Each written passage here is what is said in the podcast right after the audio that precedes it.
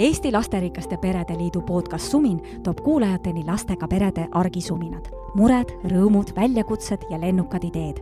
puudutame teemasid läbi lapsevanemate elukaare, teeme peatuseid nii armastusel kui eluraskustel. räägime perega seiklemisest, kastist välja mõtlemisest ja valikute tegemisest. mina olen teie saatejuht Karin Rask. suminani! tere tulemast kuulama ja vaatama Lasterikaste Perede Liidu podcasti Sumin. Mina olen Karin Rask. tänases saates on külas Triin Lumi. Triinu peres kasvab viis last, seitse kana ja üks küülik. sellest, kuidas nad seal Segasuma suvilas elavad, millised on nende pere väärtused, kuidas kasvatada õnnelikke lapsi ja kuidas elada õnnelikku elu, sellest me temaga räägimegi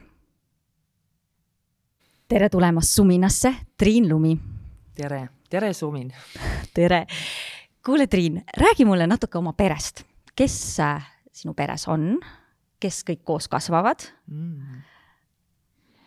sa tahad teada, kes mu peres on mm? -hmm.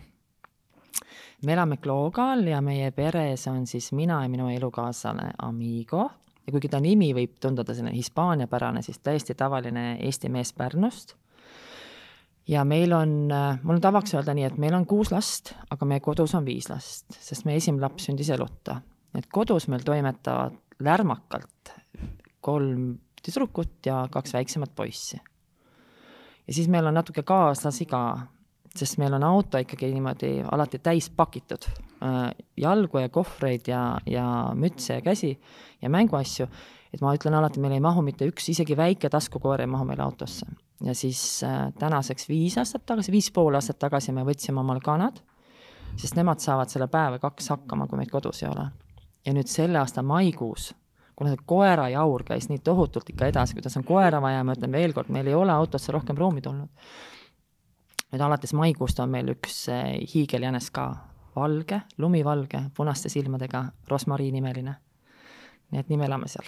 nii et jänese ja kanad võivad jääda maha, kui on näiteks äh, reisile minek perega, on ju, nemad ei vaja sellist vaja, igapäevast hooldust päris või? vajavad hoolt ja hooldust ka, aga aga selle hoole me mõnikord saame natuke paluda naabrite abi ja kui me suvel olime reisil, siis see tutikas jänesebeebi, selle me viisime komandeeringusse minu vanemate juurde, nii et nendega on natuke lihtsam seda toimetada. nii et teil on tõeline segasumma suvila noh, nii ja naa, katsume vahepeal korda ka hoida. Eh, ma natukene luurasin sinu järele, on ju, mhm. et tutvuda, kellega siis eh, meil tegu on, siis ma vaatasin, et eh, lapsed on sul sündinud kaheaastase vahega mm no mina mõtlen seda, et minu jaoks see kaheaastane vahe on hästi väike ja mm, minul kaks suuremat last on ka kaheaastase vahega ja see aeg oli minu jaoks kõige raskem aeg, kui nad olid mõlemad kuskil, ütleme võib-olla Natali ühene, Hugo ütleme kolmene või kuskil niimoodi. Ja sellest tulenevalt siis minu kolmas laps sündis äh, niimoodi, et vahe jäi ähm, kümme aastat ja kaksteist aastat ja see on väga hea vahe, ütlen mina sest et suured on väga mõistlikud. Neid saab kasutada ilusasti lapse hoidmisel, mm, nii lühemaajaliselt kui pikemaajaliselt, soovitan kõigile. aga sina ei ole sellest üldse heid-, heidutada ennast lasknud, vaid äh, kaks aastat tundub olevat sinule täiesti niisugune ideaalne vahe, mulle tundub, või mm? -hmm no, räägi sellest, kuidas see siis nii läks? võib-olla tuleb nüüd lause poliitikakujundajatele, aga, aga ma tõesti saan äh, öelda, et äh, ma ei tea, võib-olla ei kõla see kenasti, aga, aga mõnes mõttes on see tõde, et, et meil on emapalga lapsed. et meil on, meil on täna peres viis tervet ja elusat last tänu sellele, et on olemas emapalk, emapalga tugi, kui on mm -hmm. laste vahega kaks kuni kaks pool aastat, et ilma selleta arvatavasti ei oleks meie peres täna viite last, et, et ma ei oleks äh, ma ei tea, et kuna ma ei ole ise ettevõtja täna, siis ma ei tea, et oleks üks tööandja, kes ütleb, et aa, sa tulid beebiga kodunt, sul on väike beebi, tule tööta pool aastat ja siis poole aasta pärast mine taas beebipuhkusele näiteks. et sellist ähm, tõesti, et, et tänu selle ema palgale on meie peres äh, täna viis last, et ilma selle, ilma selle toeta ma arvan, et me ei oleks saanud seda, seda, seda teed valida et see vastus sellele, et kas, kas see on teadlik valik, sest ta on kerge, ei, kerge ei ole siin miski ja kui ma mõtlen selle peale, mis on see kõige või keerulisem aeg olnud, siis võib-olla keerulised ajad, kui kõik viis teismelist korraga kodus äh, meil oma mõtteid ja vajadusi jagavad, ma arvan, et see võib olla üks keeruline aeg, millega mul täna veel kogemust ei ole. et mulle tundub, et beebidega on nagu lihtne toime tulla, et nad magavad palju, neist saab neile süüa anda ja siis saab neid süles hoida, aga aga et suurtematega on juba hoopis teistsugust ressurssi vaja ja teistsuguseid oskusi vaja. Aga ma arvan, et kõige keerulisem aeg, kui sa meenutasid seda, et äh, kui kaks tükki olid kõrvuti, ma mäletan ühte sellist hetke meil kodus Sinilille tänaval, kuidas ma kõndisin nõndaks, et mul oli ja meil ei ole, ühesõnaga mõt-, sissejuhatus on see, et meil ei ole peres need lapsed, kes ütlevad, et siin on voodi ja need ise magama jäävad, vaid enamasti neid lapsi ma olen kandnud kandelinas magama või süles või tissi otsas ja see on nagu, ma arvan, ka üks lugu, mis on seotud meie oma esimese lapse kaotusega, et see on see enda läheduse vajadus. aga nad on kõik nagu väga süles magama jäänud, ehk nad voodis magama jääda ei osanud või siis kärus õunapool. mis tähendab seda, ma mäletan paari sellist hetke, kui ma jalutasin seal Sinilille tänaval, mis ei ole väga pikk tänav, äh, ühel pool kolm maja, teisel pool kaks maja, et ma jalutasin nõndapidi, et et ma arvan, näiteks see beebi, kes oli üks kuu vana, võis olla näiteks ühes kärus ja siis teine äh, laps, kes võis olla näiteks äh, neljane, oli teises kärus ja siis kandelinaga näiteks kahene. ja siis ma katsusin neid korraga magama panna.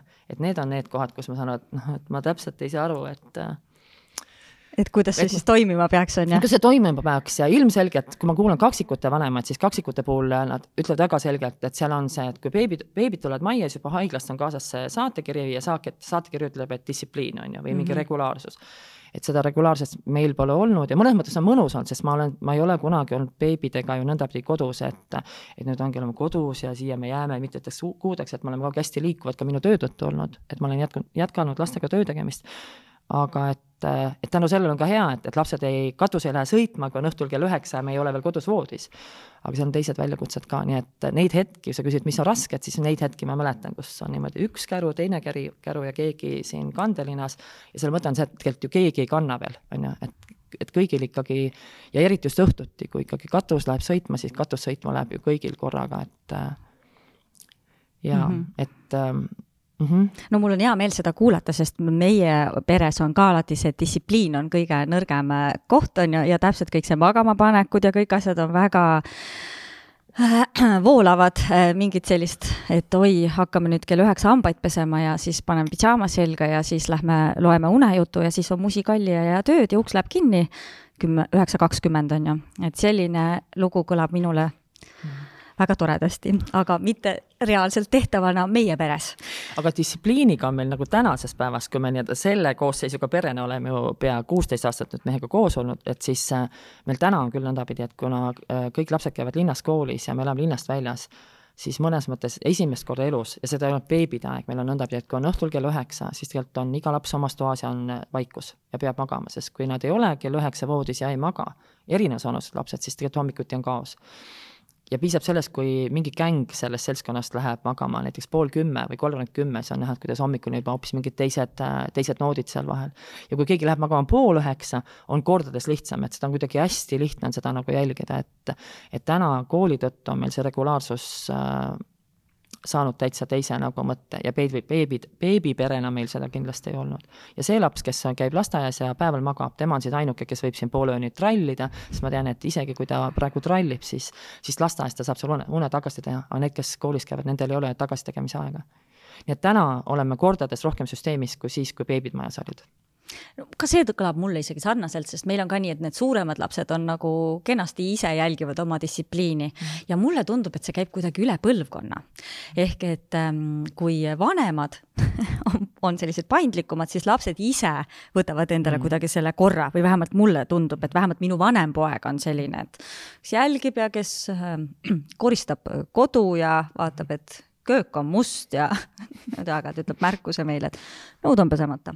Läheb, peseb ära sellist generatsioonide nii-öelda mustrit meie peres ei avalda. ei ole jah. ei, no võib-olla jah, võtta, mul on võib-olla üks laps lihtsalt selline sattunud mm. kõige vanem, et ja siis lähebki ise magama ja ise paneb mm. endale kellaaja, ise tõuseb ülesse ja, ja läheb enne kooli jooksma ja mm. noh, niimoodi siis võib-olla siis on erand rohkem meile sobib ta vahetusõpilaseks mõneks ajaks ma usun, et need mustrid ju, need annavad ju noh, ainest teistele ka. jaa, kindlasti. nii et me, see Sinili tänava vahetuskodu ootab Oot,. ootaks jah, väga hea. aga kas, ähm, kui sa nüüd mõtled tagasi selle aja peale, kui kõik olid niimoodi väiksemad, on ju, või nüüd võrreldes sellega, mis hetkel on, et mm -hmm juba enamuses koolis, kas kõik on koolis, üks ei ole veel, üks on lasteaias jah, ütlesid just, on ju mm -hmm.? Hans on, Hans Jasper on kuuene mm. -hmm. et hakkab ja, minema ja, siis tegelikult. ja tema puhul, kuna ta on novembri laps, siis ta saab ikkagi veel olla pea kaks aastat, aga me peame olema ikka kodus täpsed mm. -hmm. et me, ta ei lähe hommikuti lasteaeda, vaid talle meeldib käia pigem nagu eelkoolis Mm -hmm. sest kui on nagu eelkoolis nagu, siis äh, on nagu elu on nagu teine maik mm. -hmm. sest et kõik teised käivad ja. ju. aga kui ta on pahane, siis ta ütleb, ta ei taha, ta ei taha lasteaeda minna. Aga kui nagu neljapäevad, siis nagu see noh, sest seal eelkoolis saab ju õppida ja noh, no magama peab ka, aga ikkagi noh, nagu eelkooli sugemetega. ei no isegi mul äh, Stig ju ütleb seda, et ta ei käi veel mitte kuskil, on ju, aga kuna teised käivad koolis, siis ta räägib, et meil maja taga, noh, meil ehitatakse praegu ühte lasteaeda ja ta räägib, et see on kool ja seal koolis hakkab tema käima et see on oluline mm, -hmm. et ma pean ju mingite gruppidega, gruppidesse kuuluma. ja see on. sinna lasteaiagruppi ei tahaks nagu kuuluda, on ju.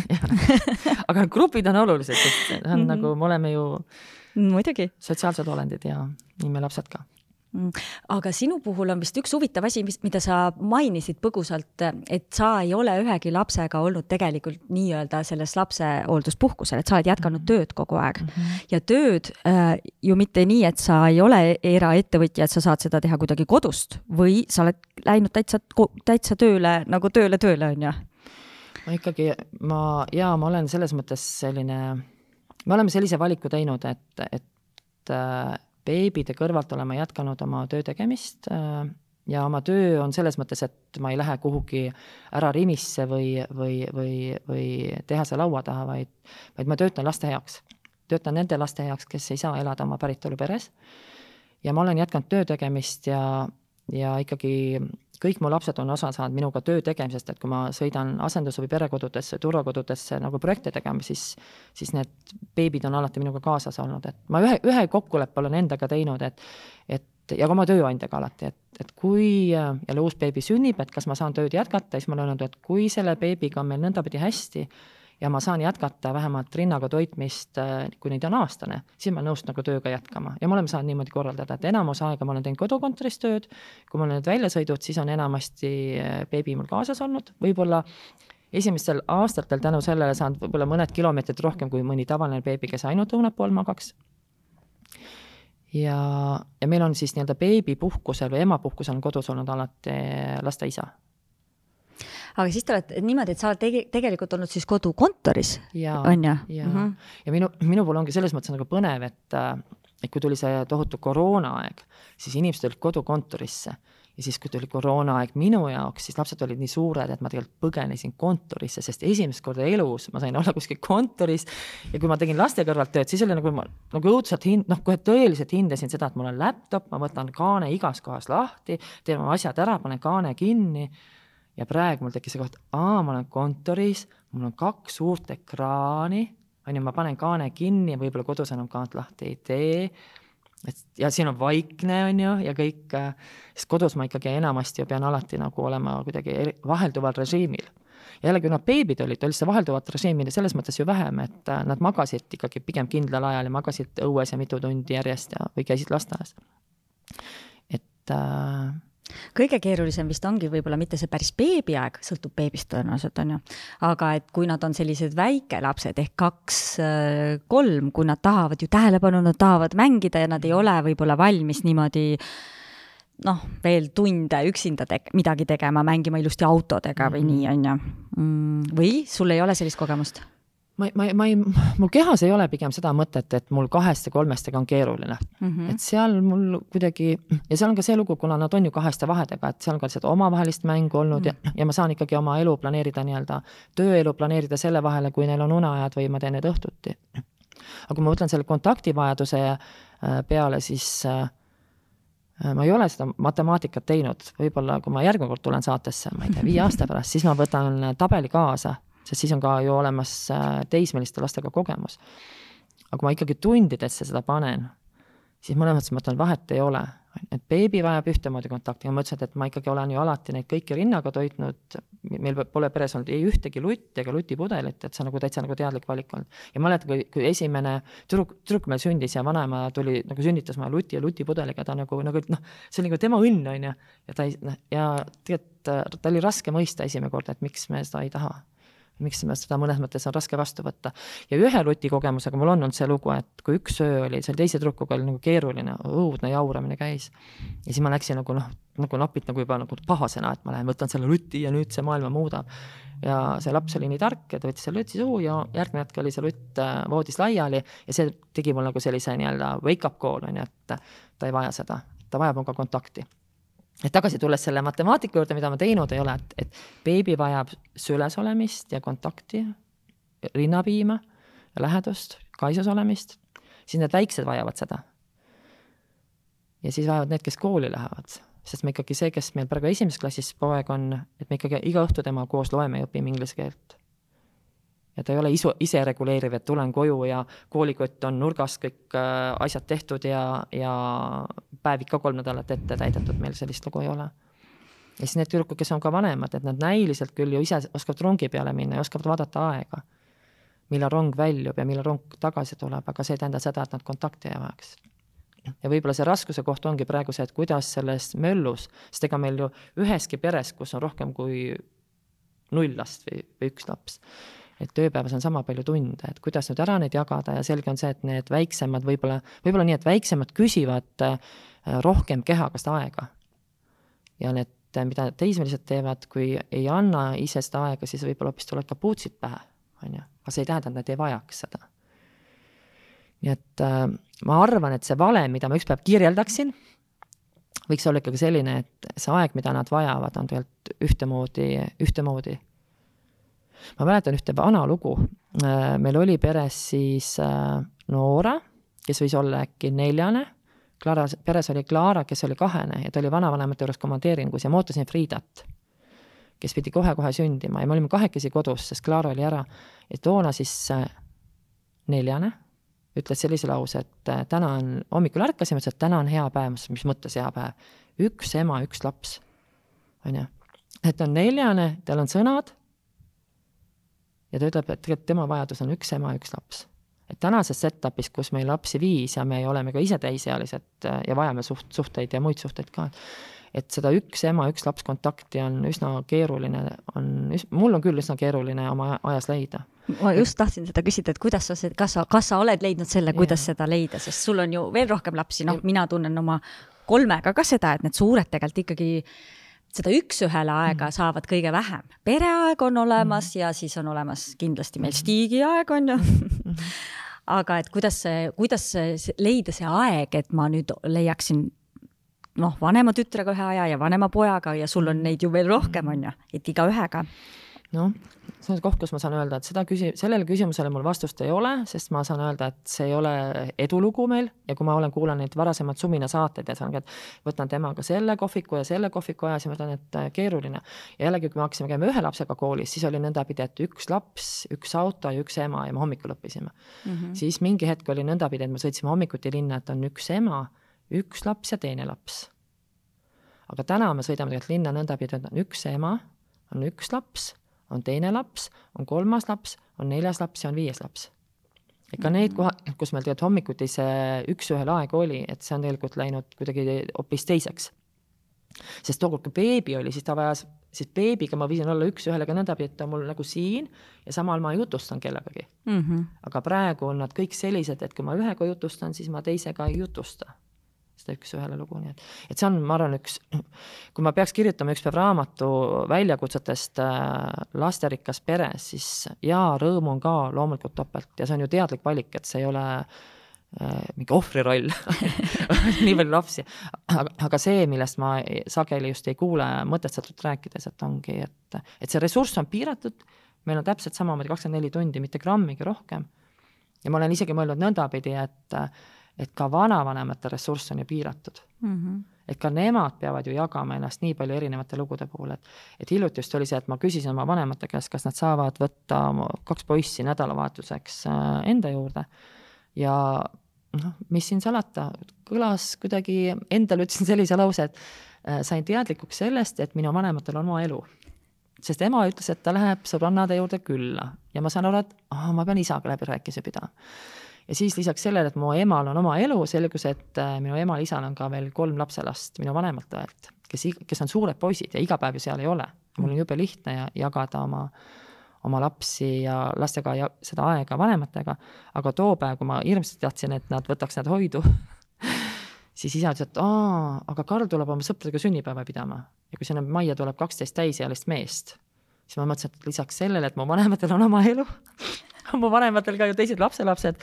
et kas, et kui mul, kui ma oleks vanaema, kellel on üks lapselaps ja enamasti see üks lapselaps on ju veel nõndapidi, et, et kahel vanaemal ja kahel vanaisal on see üks et see on hoopis teistsugune ressursilugu kui nendel vanematel, kellel on lasterikkad lood ja jällegi, rõõmu on kordades rohkem, on ju. Mhm. ilmselgelt ka neid väljakutsed on kordades rohkem, et tagasi tulles küsimuse juurde, kuidas anda üks-ühele aega, et äh, mul ei ole head vastust, et see on keeruline väljakutse ja võib-olla kui mu lapsed kirjutavad tulevikus raamatu, siis nad, ma arvan, et üks peatükk võiks olla see, kus nad, nad võivad rääkida sellest, kui palju möllu oli kodus, aga võib olla ka igatsuse peatükk, et, et seda ma ju tegelikult vajasin.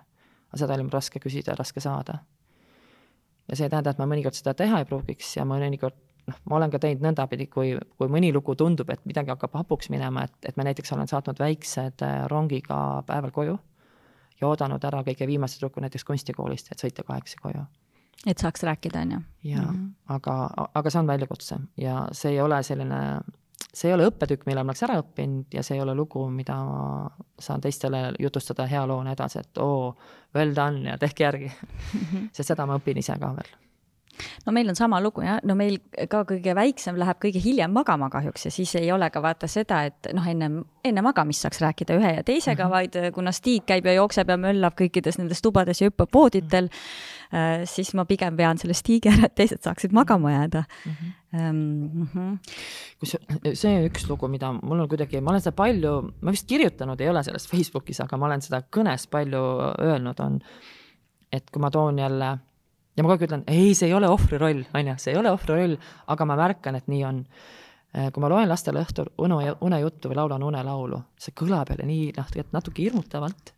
ja mõnes teises peres võib olla kõik teisiti, aga meie peres on nii, et mõnikord ma vaatan, et äh, kui majas on ärevus suur, siis ma mõnes mõttes ma pean panema nagu stopperi käima, et ma laulan täna lühikesed unelaulud, et ma käin ju toast tuppa aga unelaulu sa laulad igale ühele eraldi igal õhtul, jah? see ongi see, et no suured enam väga ei taha mm. -hmm. ja siis, aga mõte on see, et kui ma ka tahaks nendega olla kontaktis, ükskõik, kas see on unelaul või see on õhtujutt, siis mul ei ole täna võimalik olla neljateistkümnese tütre toas ja võtta see kümme või kakskümmend minutit, sest kui ma võtan talt kakskümmend minutit õhtuks une nagu voodiveerel, siis kakskümmend korda viis on sada minutit ja ma ei saa panna magamisajaks sadat minutit, on ju. et mõnes mõttes isegi, et, et et kui on pered, kus on näiteks üheksa-kümme last, siis ma olen palju mõelnud, et kuidas need olukorrad ära lahendavad, et et ma ikkagi mõnes mõttes pean ütlema mõnikord, et ma teen täna lühikese unelaulu. kui ma kuulen, et seal teises toas on möll ja ma olen üksi kodus teiega, et, et siis ma täna teen lühikese unelaulu või teen lühikese jutu. ja täna ma ei loe kahte juttu, sest kõrvaltoas ka oodatakse. et ma arvan, et see on see lugu, mida peres, kus on üks laps, et me ei, me ei laula unelaulu nii-öelda stopper käimas mm -hmm. ja õhtujuttu ei pea lugema stopperiga, et ja päriselus mul ju stopper ei käi, aga ma saan aru, et ma pean jagama seda aega, sedasama üürikest aega, kui nad äh, kontakti vajavad. mis on sinu jaoks kõige või teie pere jaoks nagu need kõige tähtsamad väärtused, et ütleme, need peavad kindlasti paigas olema ma võin öelda, et mis, ma saan öelda, et mis on tähtis väärtus ja kas, kas see on nagu paigas sellest ma kuulen oma laste lugudes. ei no kuule, need võivad olla ka ju ideaalidega mm., siis ei saagi ju päris, ma arvan, noh, ma, kui ma enda järgi mõtlen, et väärtused on nagu ühed, aga mm. erandeid tekib ikka, on ju. ma kuidagi, see, millest ma palju räägin kodus, on, on suhtelugu. ja oi-oi, kui raske see on, aa. et need hommikud, ise, isegi mõnes mõttes tundub ju nagu naeruväärne, et ma räägin mingist suhte väärtustamisest ja suhte olulisusest ja samal ma tulen hommikul autosse, kus on, me oleme kuuekesi ja meil on selline möll ja palju sõnu, mis ei ole kõige ilusamad, mida teineteisele öeldakse, sest keegi on väsinud ja keegi ütles inetult. ja sellest hoolimata ma ütlen, et, et see, mis, see, mis kannab, on suhe. ja siis, kui nad mõnikord omavahel nagu jauravad, siis ma ütlen ka sellise mõtte neile, et, et üks päev meid enam issiga ei ole sest noh, selge on see, et me sure-, noh, me sureme teist varem ära, no enamasti niimoodi on. et mõned üksikud harvad lood on, minu vanaema on üheksakümmend kaks. aga need on pigem harvad lood ehk mis tähendab seda, et me sureme enne teid mitmekümned aastad varem ära ja teie olete teineteise jaoks ressurss. ja see on see, miks ma, nagu hästi on oluline, et, et ma õpiks kuulama, teineteise piiridega arvestama ja märkama ja hindama seda, et me oleme olemas. ja teie olete teineteise jaoks olemas. ja siis nad muidugi naeravad mõnikord selle aa jaa, ära hakka ja ta-ta-ta. ja siis ma katsun ka nagu läbi huumori tuua, et mõelge nüüd seesama väike Hans, kellel on väiksed lokid praegu. Et üks päev tuleb näiteks siiasamma Klooga majja, kes iganes teist siin ei ela, siis tal on mingisugune näiteks õllekõht ees või tal on vuntsid või tal on näiteks, ta on seitsekümmend ja ta ütleb, ma pean tulema kepiga, on ju ja siis nad nagu naeravad, et aga ma ütlen, et mõelge selle peale, et te olete homme ressurss teineteise jaoks, et et see suhtelugu on see, millest ma palju räägin ja seal on nii palju asju, mida ma ei oska ise ja ise ka palju õpin, aga ma arvan, et see on võib-olla ainus asi, mis maailmas kannab, et et need, kus on hästi palju kurbust ja üksindust, et seal need suhted on vist kuidagi teises tähenduses.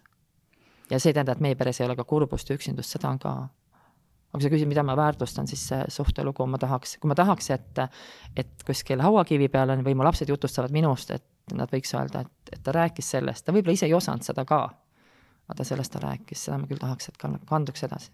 kas see on mingi asi, mida sa oled elu jooksul omandanud või mingist hetkest aru saanud, et see on sinu jaoks tähtis või on kuidagi sinu jaoks see olnud ma ei tea, elu, eluaeg elementaarne ja järsku oled sa hakanud vaatama, et oi, teiste jaoks ei olegi. Mm. Võib-olla on õige vastus kõiges. et ma olen pärit perest, kus olid kolm õde ja ema-isa ja mu vanemad pidasid nüüd just pulma aastapäeva, viiskümmend. just oli kevadel siis. Ja see oli naljakas lugu, kuidas tordi peal, mina tõin tordi sealt ära selleks pulmaõhtuks või peoõhtuks ja vaatasin, et Marika Jüri oli peale kirjutatud ja siis, kui see oli pulmatordi lahtilõikamise aeg, siis mu ema tegi niimoodi suured silmad, ahhaa, sest seal oli Marika Jüri oli peale kirjutatud, mida mina nägin aga seal oli ka kirjas viiskümmend viis. ehk, ehk seal oli kirjutatud natuke valesti, viis aastat edasi ja siis me naersime, et nüüd, et ilmselgelt nad peavad pidama ka peo. Läheb edasi panna. -hmm. ja kui on viiekümne viies pidu, siis me torti ei söö, sest see tort on juba ära söödud. Nii et mõnes mõttes võiks ju öelda, et äh, jaa, ma olen pärit ju perest, kus on mingid lood, mis kannavad ja teistpidi ka selles loos, kus ma tulen, on üsna palju neid väljakutseid, mis on tegelikult ka teinud meele kurvaks ja, ja mida ma täna ümber katsun kirjutada. ja oma töös, kui me töötame nende laste heaks, kus, kes elavad asendushooldusel ja ei saa oma päritoluperes elada, siis üks tööosa, mida ma, mille, millele ma, mida ma hästi oluliseks pean, on ka, et me teeme perevanematele erinevaid vanemlusega seotud koolitusi. ja mõnikord mõtlengi, et võib-olla on see seotud, võib-olla ma olen nagu õigel ajal õiges kohas ja võib-olla see, kui keegi minu asemel teeks seda tööd, võib-olla ta ei teeks neid vanemlusega seotud koolitusi, et et ma näen seda, et nii oluline on oma tööriistakasti kogu aeg uusi oskusi saada ja neid asju uuesti üle mõtestada ja uue nurga alt vaadata. Ja neid samu asju ma siis, äh, mida ma ise oma arengude ees nagu avastan ja otsin, neid ma kindlasti katsun ka anda äh, kolleegidele, kes nende lastega elavad, kes ei saa oma päritoluperes elada, nii et nii et mul on, ilmselgelt mul on olemas vundament, et ma ei ole pärit perest, kus, äh, kus ma olen ainult suur igatsus aga ilmselgelt ma olen ka pärit perest, kus on, kus on, kus on ka tehtud mõnikord haiget, mõnikord oleme ise haiget teinud ja neid lugusid ma siis katsun täna teise teadlikkusega natuke arutada. kas sinul oma, e-, sul on vend ja õde või? mul on kaks õde, noorem vanem õde. kas sul oma õdedega praeguseks hetkeks, kuidas sa hindad oma suhet nagu mm. võrreldes lapsepõlvega ja praegu? meil on suured vahed, meil on suured vahed ja, ja see on ka üks selline koht, ma arvan, üks põhjus, miks ma miks ma praegu katsun mingit mustrit nagu ümber keerat-, kirjutada teise teadlikkusega, et neil on suured vahed, et üks on viis aastat vanem ja teine üheksa aastat noorem. Et meil sellist ühist mänguaega nagu pole nõndapidi olnud. ja kui ma mõtlen selle tänasuhte peale, mis mul õdedega on, siis ma ikkagi, kui ma nüüd kirjutan mõttes oma laste suhet homsesse, siis ma seal tahaks kirjutada teist lugu ja ma saan aru, et mul on vastutus seal, et nad oskaks seda teistmoodi kirjutada mm. -hmm kui hästi mul see toi-, kui hästi mul see õnnestub, eks äh, sellest räägivad nende lood tulevikus, aga, aga selge on see, et ma ütlen küll endale, et mul on üks ütlus veel, mida ma, mida ma, üks põhjus, miks ma arvan, see kõik see vanemuse koolitus ja, ja enesearenguga seotud teemad mul on olulised, et et need asjad, mis nagu on mulle haiget teinud või mida ma oma köögis toimetan, ilmselgelt oma köögis tehes teistele haiget, et mul on ju see vastutus, et ma istun näiteks kahekümne aasta pärast ma istun jõuluõhtul näiteks viies erinevas köögis. Viies, viies erinevas köögis. ja kas ma tahan, et need asjad, kuidas ma täna, mitte kõige konstruktiivsemalt alati neid olukordi lahendan, kas ma tahan, et need lood korduksid, et ma ju ei taha. et see vastutus on mul kaasas, et ma lähen viide erinevasse kööki ja seal ma tahaks näha natuke võib-olla mingeid teisi tervemaid vaateid ja selle nimel ma küll täna pingutan. sinu töö on äh, vist selline, et keerukas, nagu mulle tundub, vahetevahel vähemalt, et kas ähm, sul on lihtne seda mitte koju kaasa võtta või, või kuidas sa sellega saad hakkama? Mhm. kõik su küsimused on sellised, et ma pean rääkima kõik meie pere kõige raskemad lood ära, sest kui praegu oleks minu asemel siin kaheteistkümnene tütar, siis tema ütleks näiteks sellise lause, et jaa, tal on töö ju alati tähtsam kui pere, on ju. Ja see on omal moel, ma saan aru, kust ta selle sõnumi ka võtab, et kui ma olen väga palju kodus tööd teinud, et äh, mul ei ole seda piiri, et ma panen kaane kinni töö juures ja tulen koju ja, ja siin ma nüüd hoopis olen lillekasvataja ja, ja ainult mängin teiega murumänge. et äh, ilmselgelt on mul tööd kaasas ja mu töö on kaasas ka selle tõttu, et üks on see, et ma olen väga palju teinud kodukontori tööd kogu oma elu, pereeluaeg mm. -hmm. ja teine lugu on ka see, et äh, et mu töö on paljuski ka sageli ju nädalavahetustel, kui on, me korraldame mingeid perepäevi või väljasõite. ja ka selle tõttu, et need lastelood mind puudutavad ja ka logistiliselt, et ikkagi kui ma päeval äh, kella, ma ei tea, kolmest neljani viin poisid äh, judotrenni siis ma samal ajal tööd ei tee. ehk siis ma seal kolmest neljani aja teen õhtul ära. et on selline lugu, kus ma ei saa öelda, et mul on hästi selged piirid ja ma märkan ka seda, kuidas lapsed mõnikord tunnetavad ikka seda, kuidas see töö kipub koju tulema. ja ma mõnikord võtan ju teadlikult ta kaasa, siis ma ütlengi, et ja ma pean koduteel tegema töökõne ära, sest mäletate, et ma tulin ju pool tundi enne tööpäeva lõppu tulin ära, aga need kõned vahet tegemist. nii et meil on kodus ka lauset olnud, et ikkagi, et mõnikord tundub, et töö oleks nagu tähtsam ja see on muidugi väga valus jälle kuulata mm. -hmm. ja see on kindlasti jälle üks lause, mida ma siis seal kolmekümne aasta pärast kellegi köögis istudes ju ei tahaks kuulata korduses. ja samal ajal ma ju mõistan, et miks see mõnikord nii on mm. -hmm. nii et jaa, ei, ma ei jäta seda maha ja lastelood puudutavad ka ja ma ütlen, üks mõte võib-olla on ka veel see, et et äh, kas see töö on raske, noh, kondid on mul kõik terved, pole ju murdnud konte, aga tänu sellele, et äh, et meil on oma peres kaotuskogemus mm. -hmm. ja see ei ole mingi lugu, mis läheb kunagi ära või läheb mööda või unustan ära, et ma ikkagi ütlen, et äh, nagu lapsed ütlevad mulle, et iga kord, kui sa meie Karlast räägid, sa muutud hästi kurvaks. ehk see jääb minuga kaasa. eks see kurbus ja kaotus, et see on, et küll läbi elatud lein, aga see on minuga siis kui ma mõtlen äh, laste peale, kes ei saa oma päritoluperes elada, et kui palju on neil kaotusi ja, ja, ja erinevaid kogemusi ja ka leina et siis äh, ikkagi minul, kellel on mu pere ja oma kodu ja vanemad ja võrgustik ja, ja terved lapsed kodus ja käed-jalad terved. et ma arvan, et minu raskus selle juures on üks, üks väga väike raskus, mõeldes selle raskuse peale, mida võib-olla need lapsed peavad hoopis oma seljakotis kandma, kelle heaks me töötame mm. -hmm. ja kelle heaks sa iga päev tegelikult midagi väikest kas või saad teha, et nende elu läheks paremaks või? selle paremaks tegemise kohta mul üks selline metafoorne jutt ja ma vist ei saa öelda, et need mehed, kes on kaamerate ja helipultide taga, aga ma saan küsida sinu käest ja räägin oma metafoorse loo siis, mida ma räägin oma töö kohta mm. -hmm. et kui sul on, Karin, mõni päev kehva olla, et mis sa teed siis? kuidas sa ennast aitad? tead, minul on niimoodi, et äh, mina olen nagu beebi.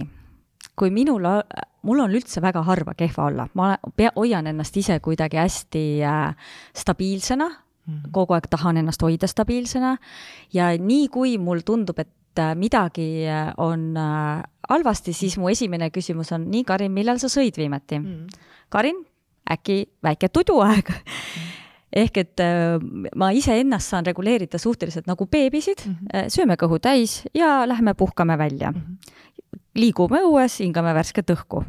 väga, nii basic kui üldse saab basic olla. Mm.. aga muidugi on ikka ju olemas selliseid päevasid, kus nagu kõik oleks minu vastu. Ja asjad lähevad katki ja ma jään igale poole hiljaks ja ma löön ennast ära. Mm. ja nii, ja siis sellel hetkel, kui ma seda märkan, siis ma tegelikult teen ka jälle endale. Äh,, tähendab, stopp, rahu, see on ainult tänane päev äkki lõpetame tänaseks toimetamised nii palju, kui saame mm. -hmm. siin on mingi väike märk mulle, et äh, midagi on nüüd nats valesti, hingame, jalutame, kui vähegi võimalik, on ju. Mhm. et, et ma kuulen seda, et, et äh, kui on nagu kehvemad lood, et kuidas ennast nii-öelda, et mis on seal nii-öelda toimetulekuklahvid, et seal on äh, magamine, söömine, jalutamine, stopi panemine, ma olen, kui ma su abikaasa käest küsiks, siis või kui ma küsin näiteks äh, helimehe käest, siis mõni inimene ütleb, et ta loeb raamatuid, kui on keerulised päevad, mõni ütleb, ma lähen teen sporti mõni ütleb, et söön šokolaadi, enda kohta mul on öelda selline lause ka, et mõnel päeval, kui mul on kehva olla, ma isegi tõstan teiste peale häält, mul on niimoodi olnud kindlasti on seda teistel seda ei ole, aga selle mõte on lihtsalt see, et, et, äh, et kui seda klaveri metafoori kasutada, et, et meie toimetuleku klahv, et mida suurem on meie toimetulek, mida parem on meie toimetulek, seda rohkem klahve on meie klaveril. ja kui me alati võtaksime ainult pokaali veini, siis me oleksime alkohoolikud mm. -hmm. alati, kui ma hakkaks nutma, siis on selline, selline neurootiline muster, et vaja võib-olla antidepressantide abi.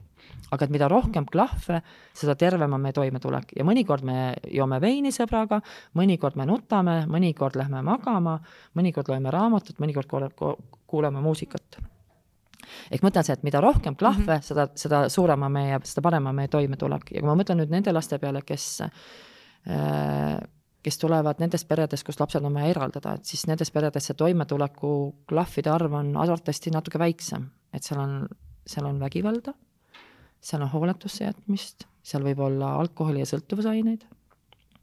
ja nüüd, kui ma mõtlen siis fondi töö peale, et need asjad, mida me nende laste jaoks seal fondis teeme, et ma mõtlen neist kui, kui klahvidest, klaveriklahvidest et kas see on siis kutse perepäevale või teatrikülastus ja lava taga äh, näitlejatega kohtumine või, või on see mingi muu töötuba, et mõnes mõttes on nagu üks klahv nende elus juures. ja ka hobide kohta, et, et meil on olemas hobistipendiumid ja me ei küsi kunagi seda, et kas sa oled seitse aastat jalgpalli mänginud. ahaa, et sa proovisid parkuurimist ja nüüd sa tahad proovida joonistamist. või pärast joonistamistrenni tahad minna hoopiski korvpalli, et tee üks periood läbi, et, et proovi neid erinevaid asju ja siis, kui sa oled päris elus, nad iseseisvas elus on, siis nad saavad vaadata, et need klahvid on ju natuke tuttavamad mm, -hmm. nad saavad neid kogeda. ja siis üks mõte on ka sellest, et, et kui mina olin laps, oli sellised väiksed pilleklaaverid punased, ma ei tea, kümme klahvi, kaksteist. mul oli ka see pille mm. -hmm. ja, ja siis üks laul, mida ma lastele näiteks unelauluks laulan, on Juba linnukesed hoolimata sellest aastaajast. ja Juba linnukesed laulu sai seal pilleklaveri mängida küll, et see meloodia oli ära tuttav, tuntav ja meie elame Kloogal, mis on Laulasmaale hästi lähedal ja, ja Laulasmaa, Laulasmaal on ju Arvo Pärdi keskus. ja ma, ma ei ole kunagi kuulnud ja ma loodan, et kui ma üks päev satun Laulasmaale ja Arvo Pärt on keskuses ja ma teen talle ettepaneku, et ma kuulaks, kuidas kõlab juba linnukesed tema esituses suurel klaveril, ilmselgelt teise kõlaga. et siis, et siis mõte sellest, et jaa, me saame hakkama nende paari klahviga ka aga ilmselgelt meie elu on kordades rikkam, kui me, kui meil on neid klahve rohkem. ja siis see töö, mida ma fondis teen, et et mul ei ole sellist uskumust, et me anname välja ühe stipendiumi, kas õppe- või hobistipendiumi või teeme ühe teatris käigu või ühe väljasõidu, et siis see muudab elu ja siis kõik on õnnelikud. aga ma selles olen küll veendunud, et mõni klahv on seal juures. ja see mõni klahv võib olla nendes keerulistes hetkedes abiks. ma usun küll, et nii ongi mm kas iseenda elus äh, mm, Te olete vist, mulle tundub ka teinud nii palju kui vähegi võimalik selliseid looduslähedasi valikuid, et te elate looduses ja ei tarbi liialt äh, või liiast asju, on ju, mulle tundub, kui ma niimoodi natukene luurasin ringi sinu mm. Facebookis, jah, ütleme ausalt nüüd tuleb üleskutse nendele erinevatele naiste ajakirjade esikaante lugudele, et ma mõnikord mõtlen, et ma tahaks näha meiki, meikimata lugu, kus silmad on väsinud ja pisar päriselt jookseb, see päris pisar, ja seda ei ole ära retušeeritud ega kuidagi nende programmidega ära võetud, et ma tahaks nagu päris lugu, et see, mis sa praegu minu kohta ütlesid, on nagu lause ajakirja esi, ajakirja esikaanelt, mis on ikkagi korrigeeritud, vastus on see, et me elame metsas sest äh, meil on suur pere ja meil ei ole ühtegi sellist ressurssi, isegi lähedalt ega kaugelt vaadata, et meil oleks võimalik sellise suure perega elada linnas. ja ma olen lastele sageli öelnud, kui nad mõnikord nagu jauravad, et miks me siin maal nii palju peab sõitma. ja meil on, ma arvan, et sellesama, mis ma arvan, kunagi, kui me võtsime maja jaoks natuke laenu juurde, siis äh, hinnati maja ära ja ma ütlesin lastele, et meil on valida, kas me elame siit kolmkümmend kilomeetrit Tallinnast väljas ja sõidame iga hommik nelikümmend viis minutit linna ja teil on igalühel oma tuba ja meil on õues kanad ja jänes. või me elame näiteks keset linna ja meil on isegi kahetoalist korterit hästi ei saa, et see on nagu valik nii et me elame metsas mitte sellepärast, et me oleme loodussõbrad aga meil on piiratud ressursid ja see maja, kus me elame, et see on äh, minu päritoluperega seotud, et ma olin nelja-aastane, kui see krunt osteti ja ja tookord, kui isa hakkas neid müüre ehitama, nii et, et seal on lugu, mis on seotud mu päritolupere looga. ja kui sa küsiks praegu, et kui ma oleks, homme saaks miljoni, et kas ma siis koliks linna, mulle meeldiks küll, et oleks üks linnakorter, kus saab korraks vahepeal jalga maha panna, aga ma arvan, tänaste valikute ja väärtuste juures ma arvan, et me jääksime Kloogal küll et selle majaga on ja selle metsaga on nii palju muid lugusid ka. Et eh, vastus siis, esikaas ütles, et me oleme looduslähedased ja loodussõbralikud, siis me elame metsas selle tõttu, et seal on meie kodu. ja see, miks me kodu on, seal on mitu erinevat põhjust ja meid on ka palju, me ei saa linna kindlasti kolida. ja siis sa ütlesid, mida veel? no mulle tundus ka, et et me ei tarbi palju, ütlesid. ei tarbi mm. palju, äh, et see on teadlik valik mm., äh, et raha oleks näiteks väga palju, on ju, osta mm. hästi palju asju, aga mm, ei taha osta nii palju asju, et ühesõnaga, et tõenäoliselt on siin mhm. võib-olla ikka jälle samamoodi segu jah, et on mhm. väärtused ka sellised, on ju, aga teistpidi. ma ütlen hoopis no. nõndapidi, et ma ikkagi kasvan ja mul on mõnes mõttes ju ikkagi hea meel, et ükski lotoõnn, et ma ei mängi lotot ja lotoõnn ei ole, ei ole meile naeratanud. sest mulle ikkagi meeldiks mõnikord minna kuhugi Stockmanni ja võtta see krabisev paber, kui nagu poest tuled selline, noh, ma arvan, et mulle see meeldiks, sest ma olen ju ja, ja ma ilmselgelt me saame seda lubada mingites oludes, et et äh, me ei keela omale, kui midagi väga uut on vaja, aga pigem, pigem see kasvamise lugu ja tänane teadlik valik ja, ja kui mu kõik lapsed tahaksid minna üks päev poodi, et lähme shoppama, see oli palgapäev, no hetkega on see palk ära kulunud. aga seda ma luban küll, et kui me näiteks tuleme õhtuti linnast ja me oleme Keilas õhtul enne kella kuut, siis sõbrad-sõbral poest me võime läbi minna ja seal me võime shopata. ja enamasti, kui ma seal shoppan, siis on see väärtus, et need on lood, mis on maailma varem toodetud mm. -hmm. et meie tarbimise pärast ei ole vaja midagi juurde toota. ja rahakotil ei ole see hävitav, sest enamasti need arved on nii toredasti kümme, no kui on kahekümne viiene, siis ma juba pean vaatama, et kas tõesti, mis täna küll ostetud sai. ja kolmas lugu on ikkagi see, et äh, et see on nagu teel olemise lugu, ma ei mäleta seda, et kui ma olin kakskümmend, et ma siis seda nõndapidi mõtestasin, aga see on nüüd, kui me oleme perena kasvanud ja, ja võib-olla see nii-öelda looduse märkamise lugu saab alguse me, mu tütrest Klaarast, kes on täna kaksteist. aga ta oli äkki neljane-viiene ja keegi oli jälle beebi. ja näiteks ma võisin oodata Joonast ja mul oli suur kõht ees ja me leidsime padja alt äh, tigusid ja vihmausse ja kõik lilled olid peenrast välja võetud ja, ja noh, nii lihtne on öelda, et ära tee ja jälle ja kaua võib.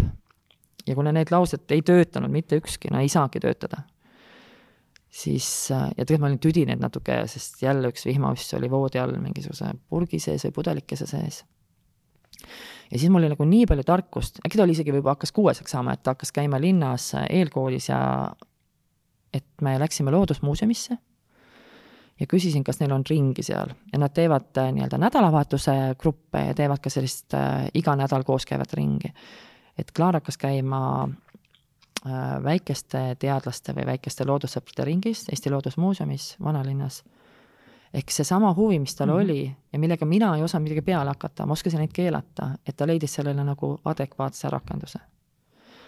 ja nüüd ta on siis, ta on praegu kuuendas klassis ja käib kuues aasta loodusringis ja, ja suved, talved, kevaded mööduvad Silma õpikojas looduslaagrites. et see on üks, see on see teekond, mille kaudu ma tegelikult olen õppinud loodust märkama. ja jällegi, et me elame metsa kõrval ja ma ei olnud mitte kunagi käinud oma lastega metsas näiteks seenel ega marjul, no häbi on öelda, sest ma mäletan, kui ma laps olin, ma mäletan, ma ärkasin hommikul üles ja ma nägin, kuidas need marjulised tulid juba seenekorvidega, läksid perroonile, need olid täis. ehk meil on metsas nii seeni kui marju aga mina oma lastega ei olnud käinud ja ma sain ka aru, et seda oli keeruline teha, sest kaheaastaste vahedega tähendab seda, et keegi oli kogu aeg kärus. ja kui mm. keegi on kogu aeg kärus, siis keegi kogu aeg kaob ju ära, et ta veel ei ole nagu kanne, et, et täna võib-olla on, eile-täna on need esimesed aastad, kui ma oskaks nende kõigiga koos metsa minna ehk siis, kui Klaara hakkas käima loodusringis ja mitte ainult Klaara, vaid ka siis äh, temast kaks aastat väiksem Frieda ja, ja, ja need looduslaagrid tulid, siis ka seal oli jälle selline nii-öelda õpiteekond selle tõttu, et nad olid looduslaagris ja nad helistasid, äh, et nad tahavad ära, sest nii õudne on siin, nad pidid telkima minema ja nad ei julgenud, sest me ei olnud perena mitte kunagi telkinud. siis mulle tundus jälle, et kuhu ma lähen telkima ja mul on jälle käru ja mul on jälle beebi ja mul on jälle mähkmed. aga ma arvan, et väiksem laps võis olla siis äkki juba nii kahene, et ma sain ta komandeeringusse ära saata, et ta ei olnud enam minu imetamise ja, ja söömisega nii seotud. ja kui nad nutsid kaheksa, nad tahavad ära, sest see on nii hull laager, siis mõtlesin ka, et kui ma toon nad ära, siis ma ei anna neile uut oskust. ehk ma kõik ülejäänud lapsed jagasin mööda ilma laiali, võtsin omale magamiskoti ja, ja sõitsin õhtuks sinna telkima. ja ööbisin nendega ära ja kui see hirmus öö oli möödanik, siis mina läksin hommikul tööle, võtsin kontoris arvuti lahti ja nemad jäid laagrisse edasi ja, ja elu läks edasi. ehk tänu sellele, et, et seal oli jällegi üks lugu, mida meie ei olnud nendega teinud, me ei olnud nendega telkimas käinud, nad vist isegi olid telkinud meil koduaias, aga me ei olnud metsas niimoodi koos perega mm -hmm. telkinud, et neil ei olnud seda oskust. Ja kui see oskus sai, siis see sai jälle edasi minna. Ja tänu sellele, et neid seal silmaõpikojas on nii tohutult meeldinud alati, siis siis äh, ma ütlesin ka endale, et ma võin ju öelda, et ära tee ja saa üle, aga selle asemel, et öelda, et ära tee või saa üle või hakka ise telkima ja ole, ole tubli, ütlesin, et me saame koos kogeda, nii et me oleme nüüd teinud ka mitmeid laagreid, kus ma ütlen oma sõprade peredele, et võtame oma lapsed ja lähme koos, nii et ma olen äkki neljal-viiel-kuuel korral oleme käinud õpikojas ja oma sõpradele teinud paaripäevase laagri, kus siis me teeme koos lastega neid asju, mida muidu tehakse lastelaagrites koos mm. -hmm. me oleme püüdnud talvel kala, siis seda kala lahanud, mitte lõhanud, lahanud, on ju. kala oleme lahanud äh,, oleme sügislindude rännet vaadanud äh,, otsinud metsast äh, talve saabumise jälge, mida kõike veel, et teinud koos. ja seal on nõndapidi tavaks on, et, et õhtuti äh, juhendaja Marko näitab mõnda loodusfilmi ja jutustab sinna juurde. ja need eranditult kõik korrad, kui ma olen olnud lastega koos seal laagris, kahe- või kolmepäevases nii-öelda väljasõidul. ja kui ma vaatan seda filmi, et ma tulen koju, mul on iga kord mingi ahaa. Mäletan ühte kohta, kus meil on enamus laste sünnipäevad on suviti ja meil kodus on suur aiapeod ja nii mõnusad on ühekordsed nõud. ja ma tulin sealt jälle ära, ma olin näinud filmi Artes kaladest kuskil ookeanis, kes hakkavad jälle öö, otsa lõppema ja, ja mis on selle inimese mõju ja ma tulin sealt tagasi ja ütlesin endale, et mitte ühtegi pappnõud enam meie kodus nii et kui keegi tahab pulma teha, kirjutage mulle, mul on kodus äh, toredad äh, sada sõbrad sõbrale poe, poest ostetud taldrikut, mida me saame siis kõikidel suvepidudel kasutada. ja ma ütlen endale, et me ei osta enam ühtegi, ühtegi topsi, mida, mida ei saa taaskasutada Mm -hmm. ja võib-olla see sada tundub nagu naljakas, aga samas on nagu tore, et ongi, et kui kakskümmend viis inimest sööb ära soolase, siis kakskümmend viis sööb magusa ja keegi saab midagi juurde, nii et see sajane sajane on, natuke jääb alati nii-öelda varuks, et ära ei kasutata, aga, aga et see on see nagu kasvamise lugu, et ma olen laste huvihariduse juures, olen ise kasvanud. ja ilma laste selle huvihariduseta ja selle kokkupuuteta ma arvan, et äh, see kasv ei oleks, ma ei saa öelda, et ma ei oleks kasvanud, sest nii on ju meedias see lugu kõik hästi laual. aga võib-olla see kasvamise lugu ei oleks nii kiire olnud. no nagu seda öeldakse, et kui naljaga pooleks vist ma olen kuulnud, et Äh, terapeudid ütlevad, et kui tahad enesearengut, et mm -hmm. siis äh, astu püsisuhtesse ja saa lapsi mm. -hmm. et siis palun väga, arengut mm -hmm. tuleb. ja, ja olen selle, selle mõttega olen hästi päri. nii et meie, nii et vastus see, et kas meil on, kas me oleme loodussäästlik ja kas me oleme looduses, siis äh, me oleme elu keskel ja need valikud ma olen elus vastu võtnud küll, et, et ma katsun märgata ja, ja ka me kodusisustuse osas oleme katsunud teha nüüd nõndapidi, et ma ei tea, mis sa, küsi oma küsimuse ära ja siis ma räägin oma loo. ei, kodusisustus on väga huvitav. meil kodusisustusega selline lugu, et, et kui meil lapsi jälle kaks aastat ja keegi sündis ja siis, kui keegi kaks aastat ja sündis, siis see, kes oli kaks aastat täis saanud, tal oli vaja oma tuba ja üks lastest oli jälle sündinud ja keegi sai jälle oma toa ja meil, minu vanemast oli ka kodus üks selline vana mööbel, et ta oli lihtsalt must-tume värnitsaga, üsna selline nagu noh, raske. see oli minu vanemaga seotud lugu, et ja me lasime ühel restauraatoril selle korda teha ja ma tundsin, et kuidas me paneme lastetuppa nii raske, et see on, see kummut on mulle oluline, aga ei taha seda rasket värvi. ja siis palusime, et restauraator tegi talle sellise tumepunase peitsiga nagu nii vahva. ja ma panin selle kohe tuppa, oli nagu, nagu nii õnnelik.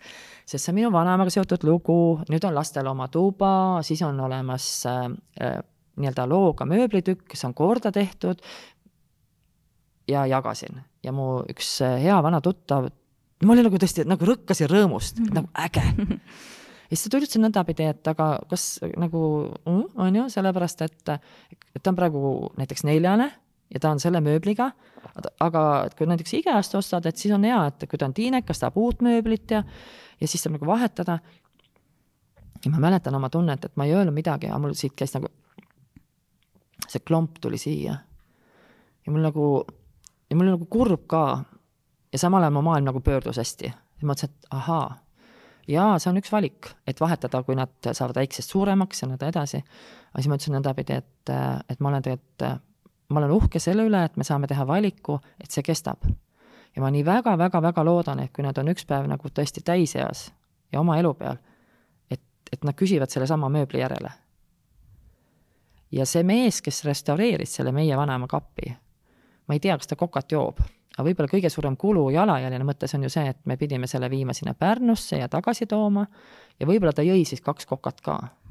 aga ei olnud ühtegi lennuliiklust, ei olnud ühtegi maha võetud lisapuud, ei olnud äh, suuri kaubalaevade jalajälgi ja muid asju, et ja sealt hakkas see teekond, et, et ma olen endale öelnud, me täna oleme tõesti selles seisus, et et kui me koju toome omale ühe mööblitüki, kus ei ole just elektripliit mm, siis me katsume teha, et see on mööblitükk, mis tuleb kas vanavaraärist või tuleb sealt sõbrad sõbrale poest või mõnest muust taaskasutuse, taaskasutuse leiuna ja siis paneme talle nii-öelda oma loo juurde.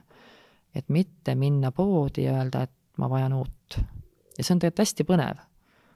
ja ma arvan, et see ei ole üldse mugav. kui ma mõtlen ka kappide peale, mis meil tüdrukutel kodus on, siis need kaasaegsed kapid, mida ma vähemalt ajakirjades näen, et need liuguksed viuh ja siuh ja kõik need süsteemid seal sees, et hästi mugav.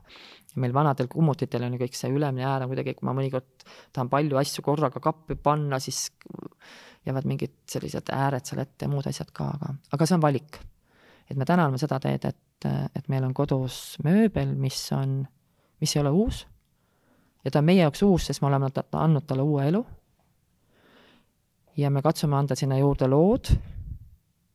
ja siis jällegi kolmekümne aasta pärast, kui mu lapsed on iseseisvas elus, näiteks Hans on kolmkümmend kuus, eks ma siis kuulen, kuidas tema neid lugusid edasi jutustab, et mida tema nendest tükkidest mäletab mm. -hmm. ja üks lugu mul tuleb praegu veel meelde, et äh, üks lastest käib kunstikoolis ja ta mõnikord toriseb, et ta käib sellepärast, et äh, noh, ema tahab vaata, et kui ma mõtlen selle tagasiside peale, mida õpetajatele annavad, see mind alati hästi puudutab, liigutab, et ma saan aru, et see ei ole nagu oskus, mida peaks praegu nii kergekäeliselt laskma lendu. aga ükskord, kui me koju sõitsime, siis äh, katsusin anda jälle seda mingi pika vaate mõtet talle. ja ütlesin, et kuule, aga sa oled praegu neliteist, et kui sa üks päev oled äh, kakskümmend neli või kolmkümmend neli, et kus sa siis elad ja mis sa siis teed? Ütles, ma, ma arvan, et ma elan seal näiteks New Yorgis, New Yorgis?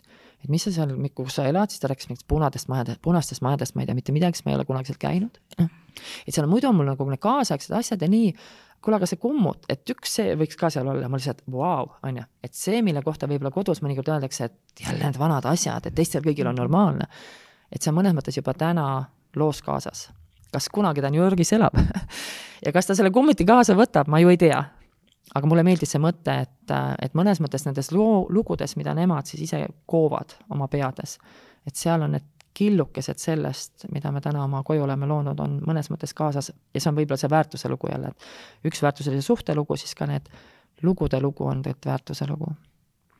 ja üks mõte, mis ma ütlen hobitegevuse kohta veel, et et kui, kui ma olen kuulnud kodus seda lauset no ikka mõnegi asja suhtes, et ei ole ainult lapse õudne rõõm. et minu ja minu hobi, et ikka mõnikord ma kuulan, mis on ema ütleb ja mida ema arvab, kuidas on õige. et siis ka selle tüdrukuga ma rääkisin ka seda, et, et okei okay,, sa elad seal ja sul on selle mööbel ja küsin, aga mis sa arvad, et mis tööd sa seal teed? ta natuke mõtles ja ütles, et noh, ma võiksin olla näiteks seal kuskil ooperimaja dekoratsioonisaalis ja siis mul oli nagu äge, et siis ma sain minna tagasi, et ma saan aru, et mõnikord täna võib-olla seal kunstikoolis on nagu noh, tundub nõme mis iganes tõttu tahaks olla rohkem sõpradega koos. aga see on ka selge, et kui sa tahad olla kolmkümmend neli ja, ja New Yorgis kuskil ooperisaali, ooperimaja dekoratsioonisaalis, siis äh, mind ei võta sinna keegi. et aidata ka seda nii-öelda neid niite tuua tänasest päevast sinna homsesse ja kas ta läheb sinna New Yorki ja kas ta valib selle tee või valib midagi muud, see on hoopis teine tee. aga meie ülesanne on ka aidata neid seoseid luua mm -hmm. nende vanade uute mööblitükkide vahel nende tänaste klaveriklahvide ja homsete valikute vahel, et, et see on, ma arvan, täiskasvanute roll laste kõrval. kas tüdrukud äh, tulevad sul kergesti kaasa sellega, tüdrukud on lihtsalt suuremad, on ju, või nad ikkagi ütlevad seda, et kuule, et äh, ma ei tea, teised kõik ostavad sealt Bershkast ja need dressikad oleks vaja ikkagi saada täpselt sellised H&M-ist või ma ei tea kust, kust iganes on ju ja kropipoest palun läbi pidi. käia. esiteks see Bershi pood, ma pole isegi kuulnud, et selline on olemas. väga hea, ma lihtsalt seepärast äh, poetasin neid samu väljendeid, siis ma mõtlesin, kas sa, äh, kas, mhm. sest meil on päris ühevanad, mul on ka mhm. kaheteistaastane mhm. tütar, tema jutust käivad just täpselt need poed läbi, mis ma esile siin tõin, aga eks ringkonnad on erinevad kindlasti, on ju. et kas on nagu seda, et oleks vaja käia ja osta täpselt samasugune dressikas nagu sõbrannadel tegelikult sealt kiirmoeketi poest mm, -hmm või on just äge see, et käime läbi äh, second-hand'ist, saad erilisema asja, sest ma, mina olen näiteks vaadanud, et minu Natali, kes siis nüüd ongi kaksteist, et tema on äh, mul nüüd juba täitsa peaaegu äh, üheksakümmend protsenti selles second-hand'i usus küll, just sellepärast, et see on ägedam või niimoodi, et sealt leiab igasugu huvitavaid asju mm. -hmm. aga ma ikkagi tirisin ta sealt äh, nii-öelda kropipoe ukse vahelt välja nagu mm, -hmm. et suunasin sinna, et lähme Humana Vintage'isse. noh mm -hmm., vaat kus ägedad värgid. seda küll, võib-olla nõndapidi, et, et see tähendus, mis nemad sellele annavad, sellest nad peavad ise rääkima, on ju, et see, seda ma ei saa öelda. aga ma saan öelda, mida mina ütlen neile, et üks lugu on tõesti see, et, et kui me saame sealt Äh, second-hand poest, siis seal on ka teine hind. ilmselgelt teine hind. Kui sa tahad kas kolme dressikat, siis minu meelest ühe euro päeval humalas kolm dressikat võtta on mõnikord ka täitsa okei okay. mm. -hmm. et ilmselgelt äh, ressursside mõttes ma ei saaks lubada seda, et me läheme HM-i ja üks tüdruk ostab omale kolm dressikat ja siis teine tüdruk ostab omale kolm dressikat ja kolmas tüdruk ostab oma kolm dressikat, et see ei ole, see ei ole tõesti mõeldav mm. -hmm. et ma ei saaks aru, et mille arvelt me seda teeksime see on üks mõte. ma usun ka seda, et kuna nii palju seda plaati kütan, et isegi kui mõnikord trots selle vastu, siis äh, mõnes mõttes see nagu kinnistub, vähemal-rohkemal määral. ja kolmas lugu on see, et jaa, kui on vaja uusi saapaid mm, -hmm. siis me läheme ju ka tavalisse poodi ja võtame selle tavalise karbi, mis krabiseb, on ju, et, et me teeme seda ka, kui on vaja, aga et aga kui mul on valik, et kas äh, kas ma tahan midagi saada, siis ja võib-olla ka see mõte, et, et kui on vaja kindlasti mingit ühte kindlat asja, siis on selge, et noh, siis tuleb mõnikord uude poodi minna mm. -hmm. et selle kaltsukate eripära on ju see, et, et ma ei saa seda, mida ma täna tahan või vajan, et ma saan siis, kui see on seal olemas mul tuleb veel nõude kohta üks lugu meelde, et palun, kes tahab, tulge meile külla, mul on lihtsalt nii ägedad nõusid seal kaltsukas. ma mäletan, ma sain sellised äh, äh, kuidas, nagu suitsuklaasist selliseid taldrikuid ja neid oli kaks ja nad ei olnud nagu väga meie pere nagu lugu. no ikka natuke võõras käekiri ja, aga natuke toredad ka ja kuna hind oli üks viiskümmend ja ma võtsin. tänaseks sellest toona kahest leitud taldrikust on saanud meil üks, äh, kuna ma olen nüüd aastaid käinud ja ühekaupa neid leidnud veel, et meil on neliteist magustatud taldrikut, deserttaldrikut ja nad on nagu nii ägedad siis ma mõtlen jälle, et ma ei oleks eladeski läinud äh, Stockmanni ostnud äh, või mis iganes ägedasse kuskile disainipoodi, et ma ei oleks kunagi läinud, et ostan viisteist tutikat deserditaldrikut, millega seda vaja. aga niimoodi ühekaupa kokku panduna on nagu nii ääretult äge. ja siis mulle meeldib nõudade kohta meeldib ja võib-olla ka natuke nagu sarnaneb selle riiete looga, ma mäletan, et kunagi mul oli nagu tunne, et meie jõululaud on ilus siis, kui on ühtemoodi taldrikud ja ühtemoodi tassid ja ühtemoodi klaasid. ja siis üks hetk ma hakkas, mulle meeldivad need suitsused klaasid. ma tõesti käin praegu kaltsukas ja võtan võib-olla noh, midagi nagu sarnast, see suitsutoon on sama, aga nad on erineva mõõduga, need klaasid, sest enamasti kaltsukas ei saa võtta kümmet ühesugust, vaid saabki võtta kaks või kaks ja pool.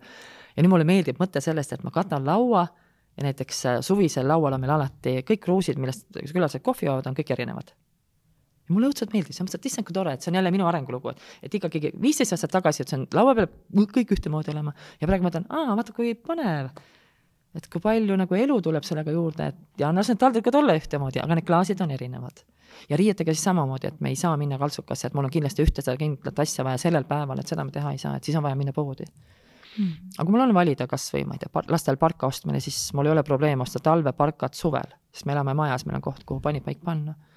ja siis, kui saabub sügis, siis me võtame suvel ostetud parka välja ja siin ta on. ja enamasti ta on ikkagi ostetud äh, järelturult mm. -hmm ja no teil rändavad ju ka, ma arvan, peresiseselt toredasti saavad rännata, on ju, suurematelt väiksemale. ja, ja rändavad ja meil on muidugi kaks suuremat tüdrukut on, kui nad olid beebid, oli seda lihtne teha, täna on nad pikkuse mõttes sarnases mõõdus ja kehakujud on natuke erinevad, et nende puhul enam seda riiete tõstmist siis ei saa teha. Aga kolmas tüdruk, tema on siis saab mõlema õe saab mõlema loo ja nii mõnegi sõbra loo veel. Eks mõnikord tuleb jälle ka seda lugu, et kus ta ütleb, et, et alati ja mitte kunagi enda oma. Ja siis ma saan öelda, et noh, päris see ei ole õige, et mitte kunagi, et on ju neid päevi ka, kui saad. ja samal ajal, kui ma ikkagi väärtustan seda taaskasutuse lugu ja me nii-öelda sõbrad sõbrale poes rõõmustame koos oma leidude üle, siis siis ma loodan, et see peatükk, mida nemad oma raamatus kirjutavad, et siis nad ei ütle, et see oli tüütu, vaid nad ütlevad, et selles võis olla nii tüütust kui ka toredaid hetki. ja tegelikult nii on, et ei ole, et üks asi on hea, et jaa. Triin, väga tore on olnud sinuga rääkida, vaikselt hakkan otsi kokku tõmbama. Mm, ma küsin nüüd hästi raske küsimuse lõpetuseks mm, -hmm. et äh, kuidas kasvavad õnnelikud ja rõõmsad ja terved inimesed mm,? ma ei tea ma päriselt ka ei tea. aga, aga üks mõte, millesse ma usun, on, on see kohalolek ja kontakt ja ausus ja, ja ka see, et äh, aktsepteerime, et meil on ka raskemaid hetki ja ka see, et meil on ebaedulugusid ja et me ei ole täiuslikud ja et me eksime, et kui me need asjad lubame nagu laual olla ja kui me nendest asjadest õpime ka veel rääkima ja jagama ja kuulama, siis ma usun, et see on see, et ma usun, et siis me oleme õnnele juba gramm lähemal. aga ühe mõtte ma jagan, on üks äh, Eesti Suitsidioloogia Instituudi juhi lugu ja ma ei tea, kui professor Merike seda, Sisask seda praegu kuulab, kas ta ütleb, et seda on öelnud aga ma olen seda kuulnud ja selle oma looks loonud ja ma jutustan seda edasi nii. Ja Merike, kui ma räägin miskit valesti, siis palun andke mulle teada, ma teinekord räägin teisiti. aga see, mida ma räägin, on nõndapidi. ma kuulsin ühte intervjuud, kus äh, kus ta rääkis nõndaks, et meil on kuidagi tavaks ja võib-olla see johtub sellest, et meie vanemad ju tulevad sealt sõjaeelsest ajast ja sealt, kus olid keerulised ajad nii toidu kui, kui turvalisusega, turvalisusega seotud. aga meil on tavaks nagu mõelda, et me tahame, et meie lastel oleks kergem elu kui meil. et neil oleks parem haridus ja neil oleks parimad äh, võimalused ja midagi veel paremat kui meil aga võib-olla peaks hoopis mõtlema nõndapidi ja kirjutama üle selle mustri nõndapidi, et äh, et me peaksime oma lastele õpetama, et elus on kergemaid ja raskemaid päevi ja kuidas raskustega toime tulla. et see on see valem, millesse ma nagu usun. et kui ma õpetaks neile, kuidas raskustega toime tulla, sest ma ei usu ühtegi esikaane lugu, kus kõik on hästi, ma päriselt ei usu. sest ma usun, et me oleme inimesed ja meil kõigil on need raskused, aga kas me julgeme nendest rääkida ja kas me julgeme nendest iseendale neid tunnistada ja kas me julgeme jagada ja kas selles raskuses ja ebaõnnes julgeme ka kohale jääda, et see on, see on see lugu. ja ma tegelikult, äh, ma ei ole kunagi niimoodi mõelnud. ja ma ütlesin ka, et äh, need lastekaotuste lood ei lähe kunagi mööda, et nad alati jäävad minuga.